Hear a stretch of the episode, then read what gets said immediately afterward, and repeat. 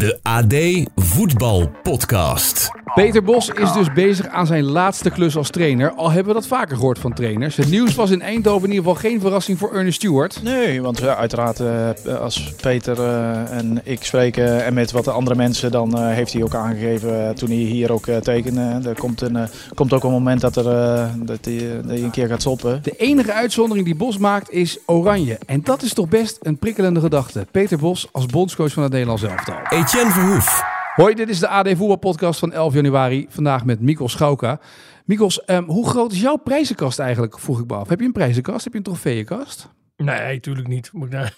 nou misschien heb je als journalist allerlei prijzen gewonnen. Of je hebt, je hebt ook oh, als journalist? Ja. Nee, dat, helemaal nog Helemaal niet? En voetballer wel nee. of niet? Nou ja, ik heb wel eens, ben wel eens kampioen geworden of zo. Maar het is natuurlijk niet zo dat in Huizen Gauwka dan een, uh, een prijzenkast nee? staat. Nee? Nee, wordt meteen weggemoffeld hier dan natuurlijk. Echt waar? Ja, nee. Je moet nee, niet met de borst vooruit lopen. Oh, oké. Okay. Nou, kijk, nee. ik, ik voel me dat af, want je bent natuurlijk... Kijk, Arne Slot heeft nu een, een kampioenschaal ja. en die heeft nu de Gouden Mossel. Dan kan je sterven, hè, als je en die NSP. hebt. Ja, NSP. Ook, en de NSP-sport we ook nog uh, voor... Ja, ja hij, hij, hij, hengelt ze binnen, hè, Arne, die nou, prijzen. Precies. Ja. Maar, maar, ik weet ook niet of hij nou een uh, prijzenkastje in zijn kamer heeft staan waar hij dan de hele dag naar kijkt. Maar er zijn wel mensen natuurlijk die, die zo gek van zichzelf zijn die dat, uh, die dat natuurlijk doen. Ja, ja, elke dag even naar het prijsje kijken. Maar goed, die NSP-prijs die hij krijgt, die is van de sportpers. Ja. Wat wel aardig is natuurlijk, is de manier van waarop Slot met de media praat. is natuurlijk wel iets anders dan wat we de laatste jaren hebben gezien van trainers. Ook al is de afstand tussen trainer en pers vaak groter geworden hè, door die persconferenties die worden gegeven. Je zit Ja. niet meer aan één tafel, niet meer één op één, of minder vaak. Ehm, laat hij een, een, een nieuwe manier zien van communiceren voor trainers? Nou, hij, hij breekt wel een beetje met een trend die was ingezet, uh, die er al wat langer is. Hè. Rinus Michels zei ooit tegen Dick Advocaat, zo weinig mogelijk zeggen, kunnen ze het ook op de minste dingen pakken. Nou ja, Slot doet het tegenovergestelde. Uh, zegt heel veel. En, en als je heel veel zegt, dan zou je ook wel eens dingen kunnen zeggen die mensen misschien in het verkeerde keelgat schieten.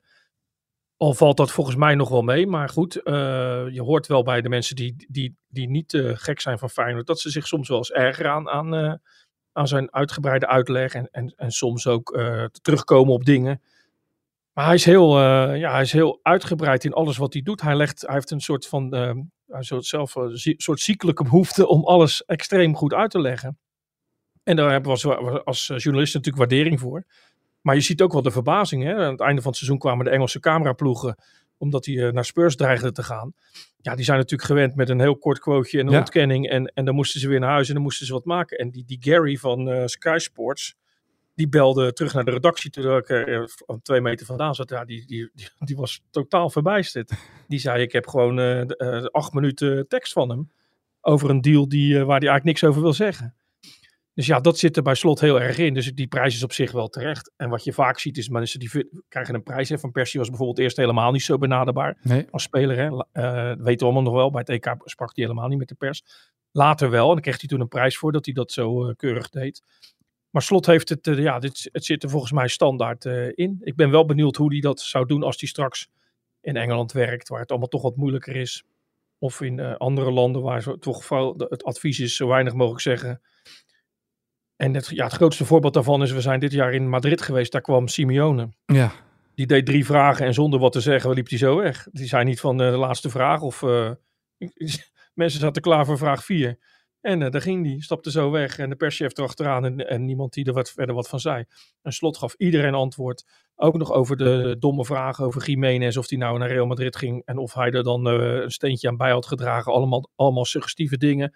Maar hij, hij gaf daar keurig antwoord op. Dus ja, ik weet niet of hij blij is met deze prijs, maar uh, het is wel zo dat hij zich erg openstelt voor, uh, voor de media. Ja. En dat, en dat we dat uh, ook wel waarderen. Ja, die Gouden Mossel trouwens over begonnen is een Rotterdamse prijs. Wordt uitgereikt. Ja. En was niet alleen voor hem, maar voor de hele technische staf. Dat is een, een, soort van lokaal feestje waarbij Toet iedereen in Rotterdam wat, wat denkt voor te stellen of voorstelt, is ja. daarbij aanwezig. Hè? Ben ik bij geweest, ja. Ja, daarom. Waarop, dus daarom zeg ik, iedereen die denkt dat hij wat... Uh, Jan-Dirk Stouten, de spreekstalmeester, ons allen wel uh, bekend, die opende het uh, gesprek met deze stad van niet lullen maar poetsen. Het is vier uur s middags en 600 mensen staan aan de wijn. Ja. Hoe, hoe kan dat? Ja, het is, het is een apart feestje. En het is natuurlijk een prijs die in het leven is geroepen zonder enige ja, vast omlijnde dingen waar je aan moet voldoen. Hè? Ja. Ze kijken gewoon naar iemand en, en, en maken er een juryrapport bij. Maar goed, het was ook wel weer grappig. En je ziet dan toch hoe gek het ook klinkt, een gouden mossel, je moet er vooral om lachen, denk ik. Maar toch een soort van, uh, dat zit er wel in die sporters natuurlijk, als er een prijsje komt. Ja, prijzen, ja. Dan zijn ze er toch op, op een bepaalde manier blij mee, omdat ze toch erkenning en waardering uh, krijgen. En bij Feyenoord, ja, daar, daar heb ik ook het artikel aan gewijd, uh, wat, wat in de krant stond deze week, is, is het dan struikelen over elkaar om te zeggen dat ze het allemaal hebben gedaan. Hè? Arne ja. Slot wil natuurlijk voorkomen dat hij, dat hij als egoïstisch wordt neergezet. Dus ja, die roept dan over zijn staf. En dan uh, die staf die er nu wel bij was, dan zeggen ze ja, er zijn nog veel meer mensen die erbij hadden kunnen zijn. En dat merk je wel een beetje bij Feyenoord. We noemden het gekscherend een secte. Dat kan heel snel negatief worden uitgelegd. Maar je ziet daar wel dat iedereen elkaar meetrekt. Hè? De fotograaf is kilo's kwijt. Ja. Als je het trainingsveld in Spanje afrijdt, dan zie je de, de medische staf, de, de, de dokter, uh, fysiotherapeut een berg van 13% uh, oprennen. Iedereen is, de, als er friet wordt geserveerd in Praag omdat ze wat hebben gewonnen, laat iedereen het staan. En ik weet zeker dat er zeker zes zijn geweest die dachten, nou friet, dat is wel lekker geweest nu. Maar op een gegeven moment durf je dat niet meer. Dus ze nemen elkaar allemaal mee in dat fitter worden, in dat beter worden, in dat procentje winst boeken. En niet alleen de spelers meer. Ja, dat is een beetje uh, wat er bij Feyenoord aan de hand is. En dat noem je dan uh, een keer een secte. En een collega heeft dat ook gedaan. Ja, dat is al vaak natuurlijk een secte klinkt heel negatief. Hè? Arne Slot is geen David Corres of, of noem het maar op. Maar ja, dat is wel een beetje aan de gang.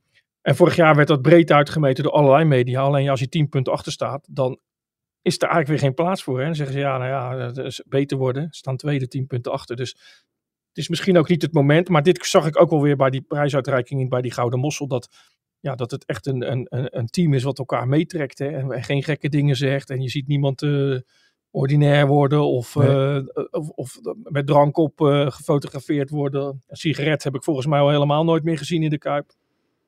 Dat soort dingen is niet meer te vergelijken met tien jaar terug. En ik zag ergens een quote van Kostas Lamproe, mm-hmm. die het kan vergelijken hè, uit zijn ja. tijd van uh, toen hij er was. Die zei, ja, toen waren we echt amateurs vergeleken met nu. Ja. En, en dat is denk ik ook zo. We hebben het over prijzen gehad. Uh, we moeten ook even wat mensen feliciteren. Want uh, bij DPG hebben we ook een aantal mensen die dik in de prijs zijn gevallen. Zeker. Merle Heppenhuis van de Stentor, sportjournalistiek talent van het jaar. En Rick. Ja, onze eigen Rick natuurlijk. Rick ja. Sportjournalist van het jaar. Dus ik dacht, weet je, we moeten Rick even bellen en hem even feliciteren, toch? Zeker. Oh, je kent met Rick. Spreek ik met de sportjournalist van het jaar? Ja, het schijnt naar verluid. Uh, naar verluid, ja. ja. Uh, ik, heb iets, ik heb er iets over gehoord. Ja, nou, wij moeten natuurlijk in de AD Voetbalpodcast wel even de sportjournalist van het jaar even feliciteren met zijn prijs. Dat snap jij natuurlijk wel, hè? Ja, ja, uh, uh, ja, natuurlijk. Ja, zeer eervol. Dankjewel. En heeft mevrouw Elfring nu ook op het, op, op, boven de haard ook een plekje vrijgemaakt voor die enorme beker die je daarvoor krijgt? Nee, nee, nee. Oh. Dat, is allemaal, dat is allemaal niet aan de orde. ik heb een mooie oorkonde gekregen. Ja? En ehm, ja, daar staan mooie woorden in dan. Ehm, nou, die heb ik gelezen en ehm, ja, vandaag gaan we, wat ik zei, vandaag gaan we gezond weer op en gaan we weer gewoon lekker ons werk doen. Ja. Dat, dat is uiteindelijk waar we voor op aarde zijn. En uh, nou ja, heel even bij stilgestaan gisteren, prachtig. Maar we gaan nu weer gewoon lekker door, uh, Etienne. Journalisten zijn nooit, nooit goed in het ontvangen van prijzen, merk ik altijd. Vorig jaar was Sjoerd het. Toen zat Sjoerd in de podcast. Toen zei ik ook van harte gefeliciteerd. Ja, ja het is een prijs. We bagatelliseren dat een beetje. Maar het is toch mooi? Je bent gewoon sportjournalist van het jaar. Tuurlijk geniet je daar wel even van. Maar tegelijkertijd, ja, er ligt zoveel werk nog op ons te wachten. um, maar ik neem aan dat uh, komende uh, zaterdag, als PSV tegen Excelsior speelt, dat jij door, door een halve erehagen ongeveer naar het stadion loopt. Ik denk dat iedereen jou in Eindhoven gaat feliciteren nu. Zeker. Ik verwacht wel een uitgebreide sfeeractie. Dat denk ik ook, een typo-actie, huppatee erachteraan. Zeker, groot... Uh, is van ons. Gro groot, beeld, uh, groot billboard op het Philipsstadion natuurlijk. Nee joh, gekkigheid. We gaan gewoon lekker PSV Excelsior verslaan. Dat zal een recordwedstrijd uh, zijn. Dat is natuurlijk ja. vooral uh, waar, we, ja, waar we benieuwd naar zijn. Of PSV in staat is om de 17e overwinning op rij te pakken. En dat uh, ja, record van het vermalendijde PSV van 1987, 88 te evenaren. Want dat is, dat is eigenlijk wat er echt op het spel staat. Daar gaat het allemaal om. Ja, overigens, uh, want ik belde je even om te feliciteren natuurlijk. Nee, en, uh, maar er zit ook nog wel een, een extra verhaal aan. Uh, dat postuum uh, Thijs Slegers geëerd is natuurlijk ook, hè? Die in, uh, bij, bij die uitreiking van die NSP Sportprijs. Ja, dat vond ik eigenlijk ja, nog bijzonder. Dat ik voor hem die prijs in ontvangst mocht nemen. Uh, Thijs heeft um, de scoop van het jaar, verhaal van het jaar, die prijs heeft hij gewonnen, zeg maar.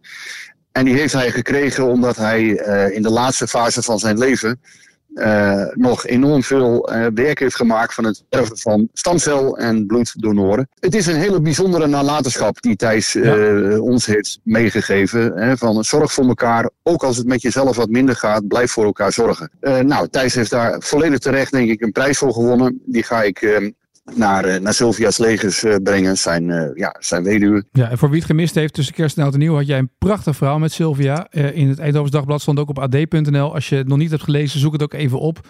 en het laat ook gelijk wel weer zien hoe iemand, ook al is die perschef of sportjournalist geweest natuurlijk, hè, een verbindende factor binnen een club kan, kan spelen op het moment dat zij vertellen over dat Luc de Jong voor de deur staat en zegt, we gaan jullie helpen, familieslegers, met, met hoe, hoe je dit financieel moet gaan rondbreien als Thijs er niet meer is. Uh, kippenvel als je dat leest. Dus lees dat verhaal ook zeker. was mooi opgetekend ook door jou, Rick, dat verhaal. Um, en mooi dat Thijs ook op deze manier uh, geëerd werd uh, bij die NSP Sportprijs. Beetje intern misschien, maar goed. Weet je, je bent van ons ook, Rick. Je bent van het ED en je bent van ons. Dus bij deze van harte gefeliciteerd. Uh, en nou ja, ga zo, door. ga zo door. Tot de volgende podcast, zou ik zeggen. We blijven, ja, we blijven af en toe aanschuiven bij Etienne. En altijd met veel plezier. Dus ja, tot de volgende. Goed, dat was Rick Elfrink. we hebben nog veel te bespreken. Peter Bos, heb ik al gezegd, en zijn woorden. De woorden van Arne Slot over een wintertransfer van Jiménez. Misschien toch eventjes doornemen wat de laag daarachter zit. Maar laten we even beginnen in Amsterdam. Want volgens mij is de grote schoonmaak nu wel een beetje voorbij, toch? Nu ook Maurits Hendricks gaat vertrekken, is eigenlijk de weg vrij voor Alex Kroes om alles opnieuw in te richten ongeveer, of niet? Eh, ja, maar ik, ik had niet het idee dat hem dat nog echt in de weg zat. Hè? Hij zou er toch wel komen. Ja. Maar blijkbaar willen ze toch... Uh, maar voor die tijd, voordat hij binnen is, al het oud zeer weg eigenlijk. Ja, het oud zeer. Dus de mensen die ze... Die, die, uh, ja, waar, waarvan eigenlijk wordt verweten dat die de fout hebben gemaakt... waardoor ze nu in een moeras zijn verdwenen. Dat ze die uh, wegkrijgen. En daar was Hendricks er één van. Hè. Die, er was een kop van Jut geworden op een bepaald moment. Waarvan je toch al dacht, ja, wil je dan zelf nog zo graag verder? Als, als er zo'n jacht op je wordt gemaakt. Nou ja, die is nu ook verdwenen. En dan, dan krijg je altijd die geëikte persberichtjes. Hè, dat, uh, in goed overleg. Nieuwe uitleg, ja, goed overleg. Ja. Noem alles maar op. Maar uh, ja, ik denk dat je gelijk hebt. Ik denk dat ze op het moment dat Kroes wil beginnen, dat, dat hij daar niet meer mee te maken wil hebben. En dat, het er, dat er een fris, een nieuw gezicht uh, binnen Ajax naar voren komt. En niet alleen Kroes, maar dat er meer frisse gezichten zijn en, het, en de oude koppen weg zijn. En op zich is dat natuurlijk niet gek, hè? Want ik bedoel, als je nu nog mensen hebt zitten uit het... En er zijn nog wel een paar mensen, met Nogele blijven natuurlijk nog zitten. Hè? Ja. Uh, er zijn natuurlijk wel meer mensen die nog wel... Die heeft nog veel contact met Stijn, hè, dacht ja. ik. Ja, precies. Leek me ook, leek me ook geen pre, toch? Nee, nee ja, nee. Ja, niet, niet dat hij geen contact mag hebben met Stijn, maar uh, ja... Lijkt me ook niet dat dat, dat, dat, dat, dat, dat intern uh, met gejuich wordt ontvangen. Maar goed, mag, iedereen mag bellen met wie die wil. Maar ja. Maar dat is natuurlijk ook een oud gezicht in feite. Ja, ja maar de, voor, de, voor de rest eromheen, zeg maar, de mensen waar veel kritiek op is geweest, die zijn dus nu allemaal weg. Dus dan kan je eigenlijk, uh, dan kan je in ieder geval de boel weer hergaan. Je hebt een nieuwe directeur voetbalzaken. En je hebt een nieuwe algemeen directeur zometeen zitten. Dat maakt de lijnen wel helder en minder complex, lijkt mij. Ja, ja, en, ja het, het, en het is nu zo ver weggezakt dat dat uh, onherroepelijk was natuurlijk. Er moest, er moest iets gebeuren en uh, ja, Ajax kon op deze manier niet verder. Dus vaak is het ook een signaal naar buiten toe van ja, wij, wij realiseren ons ook tot hier en niet verder. Ja. ja. en we gaan het nu met andere gezichten doen. Dus uh, onlogisch is het niet. En Feyenoord, of, uh, Ajax kan natuurlijk ook wel uh, verder zonder Maurits Hendrik. Zo is het natuurlijk ook. Ja. ja het is niet zo dat Ajax in één keer nog verder valt of zo. Nee. Gisteren in de podcast had het ook over Mark Overmars, hè, die, die, die ja. geschorst is door de FIFA. En toen vroegen, vroegen Johan en ik ons af, hoe zit het eigenlijk? Weet je wel, waarom heeft dat zo lang geduurd, anderhalf jaar? En heeft de KNVB dat dan niet eerder doorgegeven? Uh, even wat navraag erover gedaan. Uh, kijk, de KNVB zelf heeft geen tuchtcommissie die dit beoordeelt. Hebben ook gezegd, daar zijn we geen specialisten en hebben we het ISR voor. Um, het ISR zorgt ervoor, dat is het Instituut Sportstra uh, Sportrechtspraak. Uh, die hebben, uh, heeft daar de tuchtzaak aanhangig gemaakt. Zo hoort het ook te gaan. Ajax moet dat doen. En die hebben dat helemaal onderzocht. En uiteindelijk heeft de aanklager daarvan gezegd: we gaan deze zaak in behandeling nemen. Uh, in halverwege november hebben ze uitspraak gedaan van het 2023. Daarvoor was nog een beroepsprocedure mogelijk voor Overmars. Ondertussen heeft de KNVB wel de uitspraak van het ISR aan de FIFA doorgegeven, zoals de KNVB dat dan ook netjes hoort te doen. Uh, doordat er nog een beroepsprocedure was, had Overmars nog in beroep kunnen gaan bij het ISR. Heeft hij niet gedaan. uiteindelijk is dus de FIFA heeft nu gezegd, die schorsing is nu bekrachtigd van twee jaar, één jaar voorwaardelijk. Vanaf 16 november 2023, een jaar lang mag hij zijn beroep niet uitoefenen. Nou zou Overmars nog wel bij de FIFA in beroep kunnen gaan tegen eh, die tucht eh, tegen die regeling van de FIFA. De FIFA heeft alleen maar bekrachtigd wat ISR heeft gedaan. Maar dat is hoe het gegaan is. Dus ISR heeft de uitspraak gedaan. De KNVB is eigenlijk geen partij hierin, behalve dat ze doorgeven omdat ze... Ja, Overmars is lid van de KNVB en ook eh, Ajax is lid van de KNVB. Dus dan is een beetje duaal belang natuurlijk erin. Maar zo is Ja. het eigenlijk helemaal gegaan, dat hele proces. Om dat nog even helder te hebben. Hoe Je vraagt je wel af wie er nou uiteindelijk bij mee gedienst is. Dat hij hier nog een jaar extra zijn- functie niet mag uitoefenen. Maar goed, dat is weer een andere discussie. Hoe bedoel je? Nou ja, wie is hier nou verder blij mee? Ik bedoel, de, de, de vrouwen van kantoor zullen nu toch niet eh, zeggen...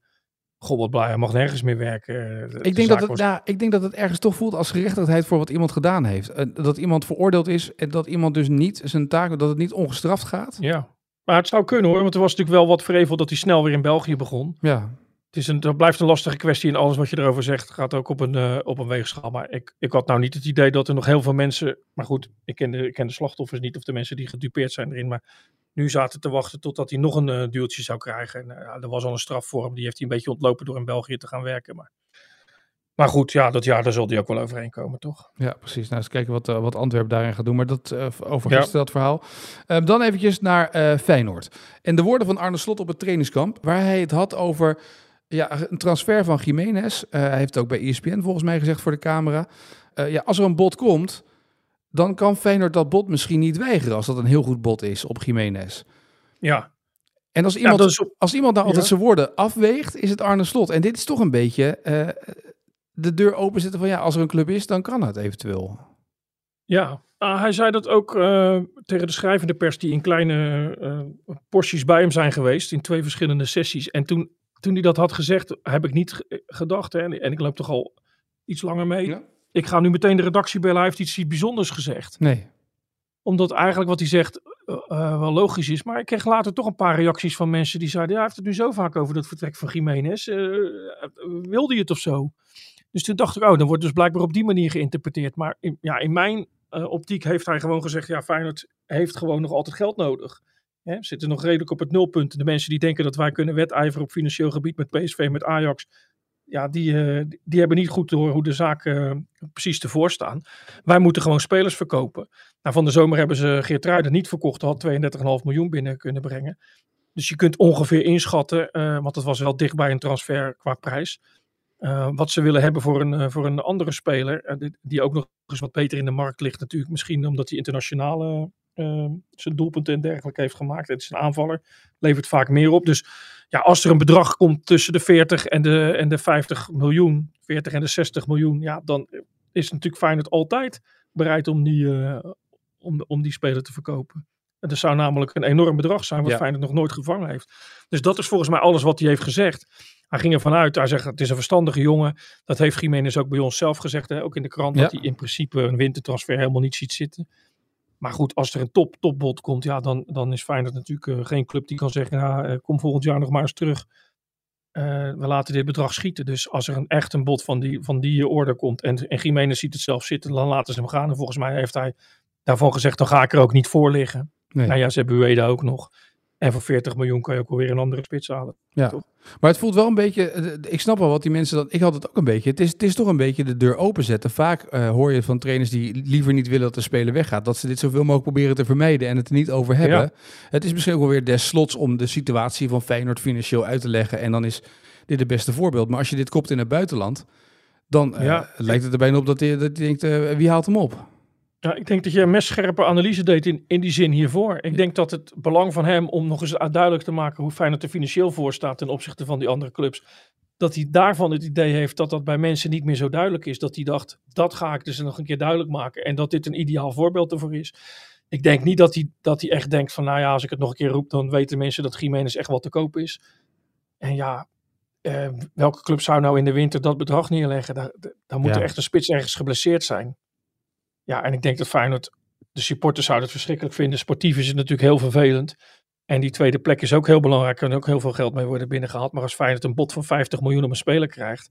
Ja, dan gaan ze natuurlijk wel een klein beetje Polonaise lopen in de Kuip. Niet Ja. dat iedereen het ziet, want dan probeer je er waarschijnlijk nog een beetje wat op te krijgen. Maar voor dat bedrag is, voor, is een speler van Feyenoord, hoe dan ook, naar welke club dan ook, gewoon weg. Ja, nou Feyenoord probeert ook op heel veel andere manieren geld te verdienen. Eh, daarvoor hebben ze nu een nieuw platform in het leven geroepen, om dat flauwe bruggetje maar eens te maken. Een soort Netflix-achtig model waarin heel veel uh, wedstrijden terug te zien zijn, documentaires erop staan. En daarmee is Feyenoord de eerste club in Nederland die dat op die manier uh, opzet. andere clubs in het buitenland hebben dat al wel.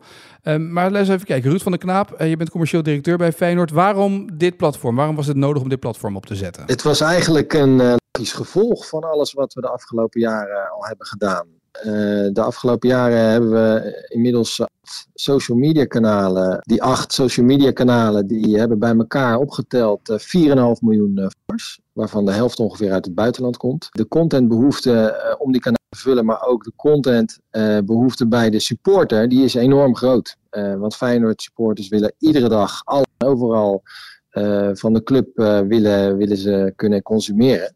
Dus dit is eigenlijk een heel gevolg, denk ik, van, uh, van uh, alle zaken waar we de afgelopen jaren al druk mee bezig zijn geweest. Weet je waar het mij een beetje aan deed denken? Jullie lanceren dit platform. En dat doet me een beetje denken aan Jorien van der Hering, die ooit volgens mij het idee had om zelf uh, fotografen in te zetten achter het doel dat iedereen de foto's kon kopen, maar het veel meer in eigen beheer gaan nemen, zoals in Engeland en in Amerika ook al gebeurt door clubs. Ja, dat klopt wel, denk ik. Ik heb ook aan Jorien van der Hering moeten denken, want hij is ook degene geweest die in de jaren negentig tot aan de Hoge Raad heeft geprocedeerd om ervoor te zorgen dat de thuisspelende club de rechthebbende is van de uitzendrechten van, eh, van die wedstrijd die gespeeld wordt. Ja. En dat is de basis uh, eigenlijk van het uh, hele commerciële model in het op dit moment. En dat is ook weer de basis van, uh, van dit nieuwe platform Feyenoord One. Het is een platform waar dus de Feyenoord supporter zometeen wedstrijden of documentaires, heel veel video kan terugkijken. Zitten mensen nog echt te wachten op wedstrijden uit 1970 om die terug te kijken? Nou, 1970 misschien een verkeerde voorbeeld, maar laten we zeggen 1978. Hij staat er wel op hoor, die van 1970. Ja, dat dacht ik al, ja. tegen Celtic. Ja, ja maar uh, nou, we hebben beginnen op dit moment met 15 uh, van de meest memorabele wedstrijden die we ooit uh, hebben gespeeld. er staan er ook nog een aantal klaar om de komende maanden toe te voegen aan het platform. Ik denk niet dat dat de enige feature is waardoor, waarvan ze voor Feyenoord One zullen kiezen, want we gaan ook heel veel nieuwe dingen brengen. Uh, een voorbeeld daarvan is natuurlijk de documentaire Jiménez, die uh, vanavond uh, in première gaat. die van 11 januari is te zien op het platform. maar wat ook wel leuk is, is dat er een serie op het platform staat, die ook in, in première gaat. die heet We Zullen Wat Beleven. Dat is een serie van zes afleveringen, waarin we terugblikken op de laatste tien weken van het vorige seizoen. Okay. En die serie begint bij de uitwedstrijd in Amsterdam, die we met 3-2 gewonnen. En die eindigde op de koolsingel. En ja, we hebben het team heel intensief gevolgd. We hebben beelden uit de kleedkamer. We hebben beelden van supporters, hoe zij dat beleefd hebben. Dus ik denk dat dat een hele interessante wordt om te kijken. En we gaan ook allerlei dingen live doen. Dus ik denk, het, het is een heel rijk platform geworden. Stond ESPN te juichen toen jullie zeiden we gaan dit platform lanceren en zelf content daarvoor maken? Ja, ESPN en ook de Eredivisie die zijn wel enthousiast over deze ontwikkelingen. En vooral omdat we hiermee uh, ook uh, beter beslagen zijn voor allemaal alles wat er nog gaat komen in de toekomst. Uh, en op ons eigen platform mogen we van die rechtenhouders ook net wat meer dan op andere social media. Een goed voorbeeld is bijvoorbeeld een, een Champions League wedstrijd. Als we daar wat beelden van willen uitzenden, dan mag dat normaal gesproken pas op, uh, op YouTube of op, uh, op uh, Twitter. Mag dat pas vanaf vrijdag, als je die wedstrijd op dinsdag speelt. Ja. Maar als je dat op een eigen platform doet, achter een inlog, mogen we al diezelfde avond om 12 uur s'nachts een samenvatting brengen, maar zelfs ook de hele wedstrijd terug laten zien. Dus ook voor onze supporters biedt het de mogelijkheid om veel sneller toegang te krijgen tot alle content en alle wedstrijden die we, die we gespeeld hebben. ESPN heeft natuurlijk ook een bepaalde waarde door de week dat ze documentaires willen laten zien. Daar krijgen clubs ook voor betaald. Ik kan me ook voorstellen dat zij Klopt. denken, ja, hoe gaat dit dan een bom leggen onder ons televisiemodel wat wij hier hebben? Nou, wij, wij maken ook nog steeds uh, documentaires uh, voor ESPN. Vier stuks uh, per jaar. Ja. Die zijn ook de eerste twee, drie maanden exclusief te zien op ESPN. Dus dan, dan krijgen zij echt wel het, de voorrang daarop. Daarna krijgen wij ook weer de mogelijkheid ja. om ze op, ja. op Final One te zetten. En wat we ook nog doen, is dat we 88 keer per jaar een uitzending van Feyenoord Club TV maken voor ESPN. En die zijn exclusief voor de voetbalzender. Dus dat staat weer niet op, het, op ons eigen platform. Netflix kost maandelijks geld. Wat kost dit eigenlijk voor de Feyenoord-fan? De, de consumentenprijs is uh, 50 euro uh, per jaar ja. voor een heel jaar. En seizoenkaarthouders die mogen het voor de rest van het seizoen uh, gratis uitproberen. Uh, legioenleden mogen met korting uh, uitproberen uh, de rest van dit seizoen. En voor die twee groepen, voor seizoenkaarthouders en leden van het legioen, kost het vanaf komende zomer 25 euro per jaar. Nou ben je natuurlijk van huis uit gepokt tegen mazelt marketeer. Is dit iets wat, wat je ziet dat de komende jaren meer gaat gebeuren? Dat clubs veel meer hun eigen content en hier ook een verdienmodel in gaan zien? Ja, dat is een heel interessante ontwikkeling. Ik denk dat we daar nog niet precies weten wat, wat we precies mogen verwachten van, van die toekomst. Uh, je ziet wel dat alle grote clubs in Europa hier nadrukkelijk mee bezig zijn. Wij gebruiken hetzelfde platform bijvoorbeeld als uh, Real Madrid en Tottenham Hotspur. maar alle clubs in de Premier League hebben wel een soort van videodienst geïntegreerd op hun online omgevingen. Niet allemaal betaald, maar ik denk dat wij als ik het zo een beetje bekijk, dan, dan is ons platform echt wel weer een uh, stapje verder. En, met meer content, met meer uh, materiaal gevuld dan wat ik uh, bij veel anderen heb gezien. Het model in, in Nederland om geld te verdienen aan, aan je media en aan je televisierechten is natuurlijk ook heel anders dan in Engeland. Hè. In Engeland krijgen, krijgen de clubs 150 of 200 miljoen euro bijgeschreven ieder jaar. Alleen al vanuit die media-inkomsten. Ja, dat is in Nederland heel anders. Dus ik denk dat daar ook nog wel per markt, per land verschil in zal zitten. Hoe uh, clubs hiermee uh, omgaan naar de toekomst toe. Ja, en ik ben benieuwd welke clubs nu gaan volgen. Weet je het al in Nederland wie er nu achteraan komen heel snel met een eigen platform? Ik kan me voorstellen dat er andere clubs zijn die hier ook naar kijken. Maar nou, het heeft ons in zijn totaliteit misschien wel anderhalf jaar gekost om dit op deze manier up and running uh, te krijgen. Dus uh, er zit ook echt wel heel veel tijd en effort in om, uh, om de dienst zoals die nu is te kunnen lanceren. Dus het is niet binnen twee weken verwacht ik niet dat we anderen zien die dit ook zullen brengen. Um, maar ik denk dat de grotere clubs in Nederland hier absoluut naar kijken. Ja. Heel goed. Ruud van der Knaap, dankjewel voor de toelichting en succes met het platform. Dankjewel. Zou jij uren naar voetbalwedstrijden gaan zitten kijken, Mikos? Oude wedstrijden? Oude wedstrijden. Ben je iemand die daarop terugkijkt? Nou, ik, ik kijk wel eens wat terug, maar het komt, er komt niet uh, veel voor dat ik echt 90 minuten een wedstrijd uit het verleden helemaal terugkijk. Of het moet verhaaltechnisch of zo, uh, weet je wel, je wil, de, WK-finale van 74, dat soort, dat soort dingen, omdat je er een verhaal over maakt. Maar om nou te zeggen, nee, nou, een hele wedstrijd, nee. Eh, een, een, een forse samenvatting, dat wil nog wel eens lukken. Ook omdat je gewoon nog nieuwsgierig bent hoe dat nou precies allemaal liep. Maar een hele wedstrijd terugkijken, uh, nee, dat, uh, dat niet. Nou, ze steken in ieder geval de nek uit. Ik vraag me heel erg af of de Nederlander daar die 50 euro, de, de Feyenoord-fan die 50 euro ervoor over heeft. Of, of we gaan, ja. hoe dat zit. Weet je, je hebt natuurlijk heel veel dingen wat nu allemaal pay-per-view is. Het is Netflix, het is Prime, het is Videoland. Ik bedoel, je wordt gek van wat je allemaal on-demand kan zien. En die zijn natuurlijk duur hè, per maand. Uh, en dit is 55 euro, maar het is 25 euro als je een seizoenkaarthouder ja, bent. Of 25. Dus, dan, dus dat valt dan ook wel mee over een heel jaar gezien. Maar goed, ja, ik kan niet in het portemonnee van andere mensen kijken en, en of ze het ervoor over hebben. Maar ja, het is wel zo, als er ergens een Feyenoord logotje op staat, dan uh, verkoopt het en, en krijgt het aandacht. Dus uh, dat, uh, ik, kan, ik, ik zou niet uitsluiten dat het een succes wordt hoor. Nee. Dan nog even naar Peter Bos. Want die maakte natuurlijk bekend dat PSV zijn laatste club is. Dat was eergisteren al dat hij dat vertelde bij PSV TV. Ernest Stewart, die het al in het begin horen, was niet heel verbaasd. Maar de, toch die woorden, hè, bedoel, hij zegt ook... Ik zou het fantastisch vinden om een Nederland zelf dan nog een keer te trainen. dacht ik, ja, Peter Bos bij Oranje. Als je ziet hoe die nu... Het, zou, het is toch wel een prikkelende gedachte, toch? Zeker, ja. Alleen, uh, het zijn natuurlijk trainers die veel uh, op het trainingsveld staan. Ja, dus ik vroeg me ook gelijk af, is hij een bondscoach? Je kan hij met zijn ja. voetbalvisie, kan dat? Ja, ik denk het wel. Maar het is natuurlijk, voor die kwalificatie Interlands is het natuurlijk uh, hit and run. Hè? Ja. Dus, dus daar kun je niet zo heel veel doen. Maar deze trainers uh, van, van dit kaliber, ja, die, die uh, hebben natuurlijk wel meer middelen om spelers op een juiste manier uh, in hun systeem te krijgen. Los van het feit dat als je eenmaal gekwalificeerd bent, heb je natuurlijk wel een tijd om te trainen. Hè? Dus dan kun je echt wel gericht werken aan een bepaalde manier van spelen. Maar wat zij natuurlijk tussendoor zouden kunnen doen, is contact houden met spelers, beel, beelden bekijken, noem het maar op.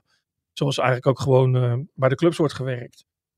Dus ik ben, uh, ik ben ook benieuwd. Ja, dit is natuurlijk voor hem wel de deur wagenwijd openzetten. Het is niet meer zo nou. dat er straks in Zeist naar Koeman uh, wordt gedacht, zou Peter Bos het wel willen? En over het algemeen heeft, heeft Nederland of heeft de KVB geen lijst van zes, zeven kandidaten. Dus dit zal die uiteindelijk nog wel een keer gaan worden. Zoals Arne Slot het uiteindelijk ook wel een keer gaat worden. Die heeft het volgens mij ook wel een keer door laten schemeren. Maar die wil nog niet stoppen. Die, heeft, nee. die staat natuurlijk in een andere fase van zijn carrière. Zal nog in het buitenland willen werken. Ja, Peter Bos, al moet je altijd maar afwachten of ze inderdaad stoppen. Maar dat is inderdaad... Nou, hij heeft voor drie jaar getekend. Dus het is uh, EK en daarna WK voor Koeman. Nou, dat is precies ja. drie jaar. Dus dat komt eigenlijk nou ja, perfect uit. En daar zal hij zelf ook wel over na hebben gedacht. Dus, dus dit is, uh, ja, bijna een ABC'tje dat hij in ieder geval een van de twee, drie kandidaten is als Koeman uh, vertrekt. Ja, scheelt de KVB ja. ook weer heel veel zoeken, toch? Ik bedoel, als het goed nou, doet, dat is ja. natuurlijk altijd wel koortsachtig. Hè? We hebben natuurlijk een tijd gehad dat, dat je geen Nederlander meer mocht zijn als je bondscoach van Nederland zelf wilde worden hè? In, de, in, de, in de publieke opinie. Toen moest alles uit het buitenland komen. Maar je ziet toch elke keer hoe moeizaam het is om een uh, geschikte kandidaat te vinden. En uh, ja, nu met Slot en Bos hebben we in ieder geval trainers die tot de verbeelding spreken op, op een manier van uh, spelen. Bos is natuurlijk wel iemand die we al jarenlang kennen. Ja. Dus ik, ik, kan me ook voorstellen dat als hij dit niet gezegd zou hebben en als hij niet bij PSV zou hebben gewerkt, dat hij toch ooit een keer op die lijst zou zijn verschenen. Maar het kan natuurlijk geen kwaad om eens een keertje te droppen dat dat, uh, dat, dat je wel zou strelen. Dat je daar best wel voor open zou staan. En eigenlijk dat je dat heel graag zou willen op het moment dat je geen clubtrainer meer bent. Ja, anders gaat hij onder de palmbomen liggen, zei hij. Toch vraag ik me af, hè, kan je dit, want we hebben het er net over, maar dat spel van Bos is zo specifiek. Um, dat je filosofie moet, je hele manier van trainen moet anders zijn natuurlijk. Want wat je zegt, je hebt ze maar drie, vier dagen bij elkaar. Dat is een compleet andere manier van werken natuurlijk. Ja, ja dat, ik denk ook dat je dat ook weer niet moet overdrijven. Maar het zijn natuurlijk trainers die wel uh, veel uh, uh, op het trainingsveld voor elkaar willen krijgen. Maar dat hebben natuurlijk trainers die op een andere manier spelen ook. Het is alleen moeilijker om aan te vallen ja. dan te verdedigen. Dus daar zit het hem een klein beetje in. Maar het is natuurlijk ook weer niet zo dat, dat Peter Bos straks met een uh, abracadabra uh, systeem komt waar spelers niks van snappen. Nee, dat snap ik, ja. Dus, dus, dus ja, dat, dat moet ook wel mogelijk zijn. Maar het zit hem dus vooral in, ja, ga je, ga je achterover leunen, dan is dat over het algemeen hè, op het trainingsveld wat sneller voor elkaar te krijgen dan dat je echt specifiek uh, tegenstanders omver wil duwen. Waar het vooral bij hem in zit en ook bij Slot, is die intensiteit waarmee gespeeld wordt. Hè? Uh, de hoog, de, dat hoge druk zetten kost veel kracht. Dat, dat, moet, dat moeten dus uh, fitte spelers zijn. En daar heeft hij geen enkele invloed op als bondscoach. Omdat je de spelers van de clubs krijgt.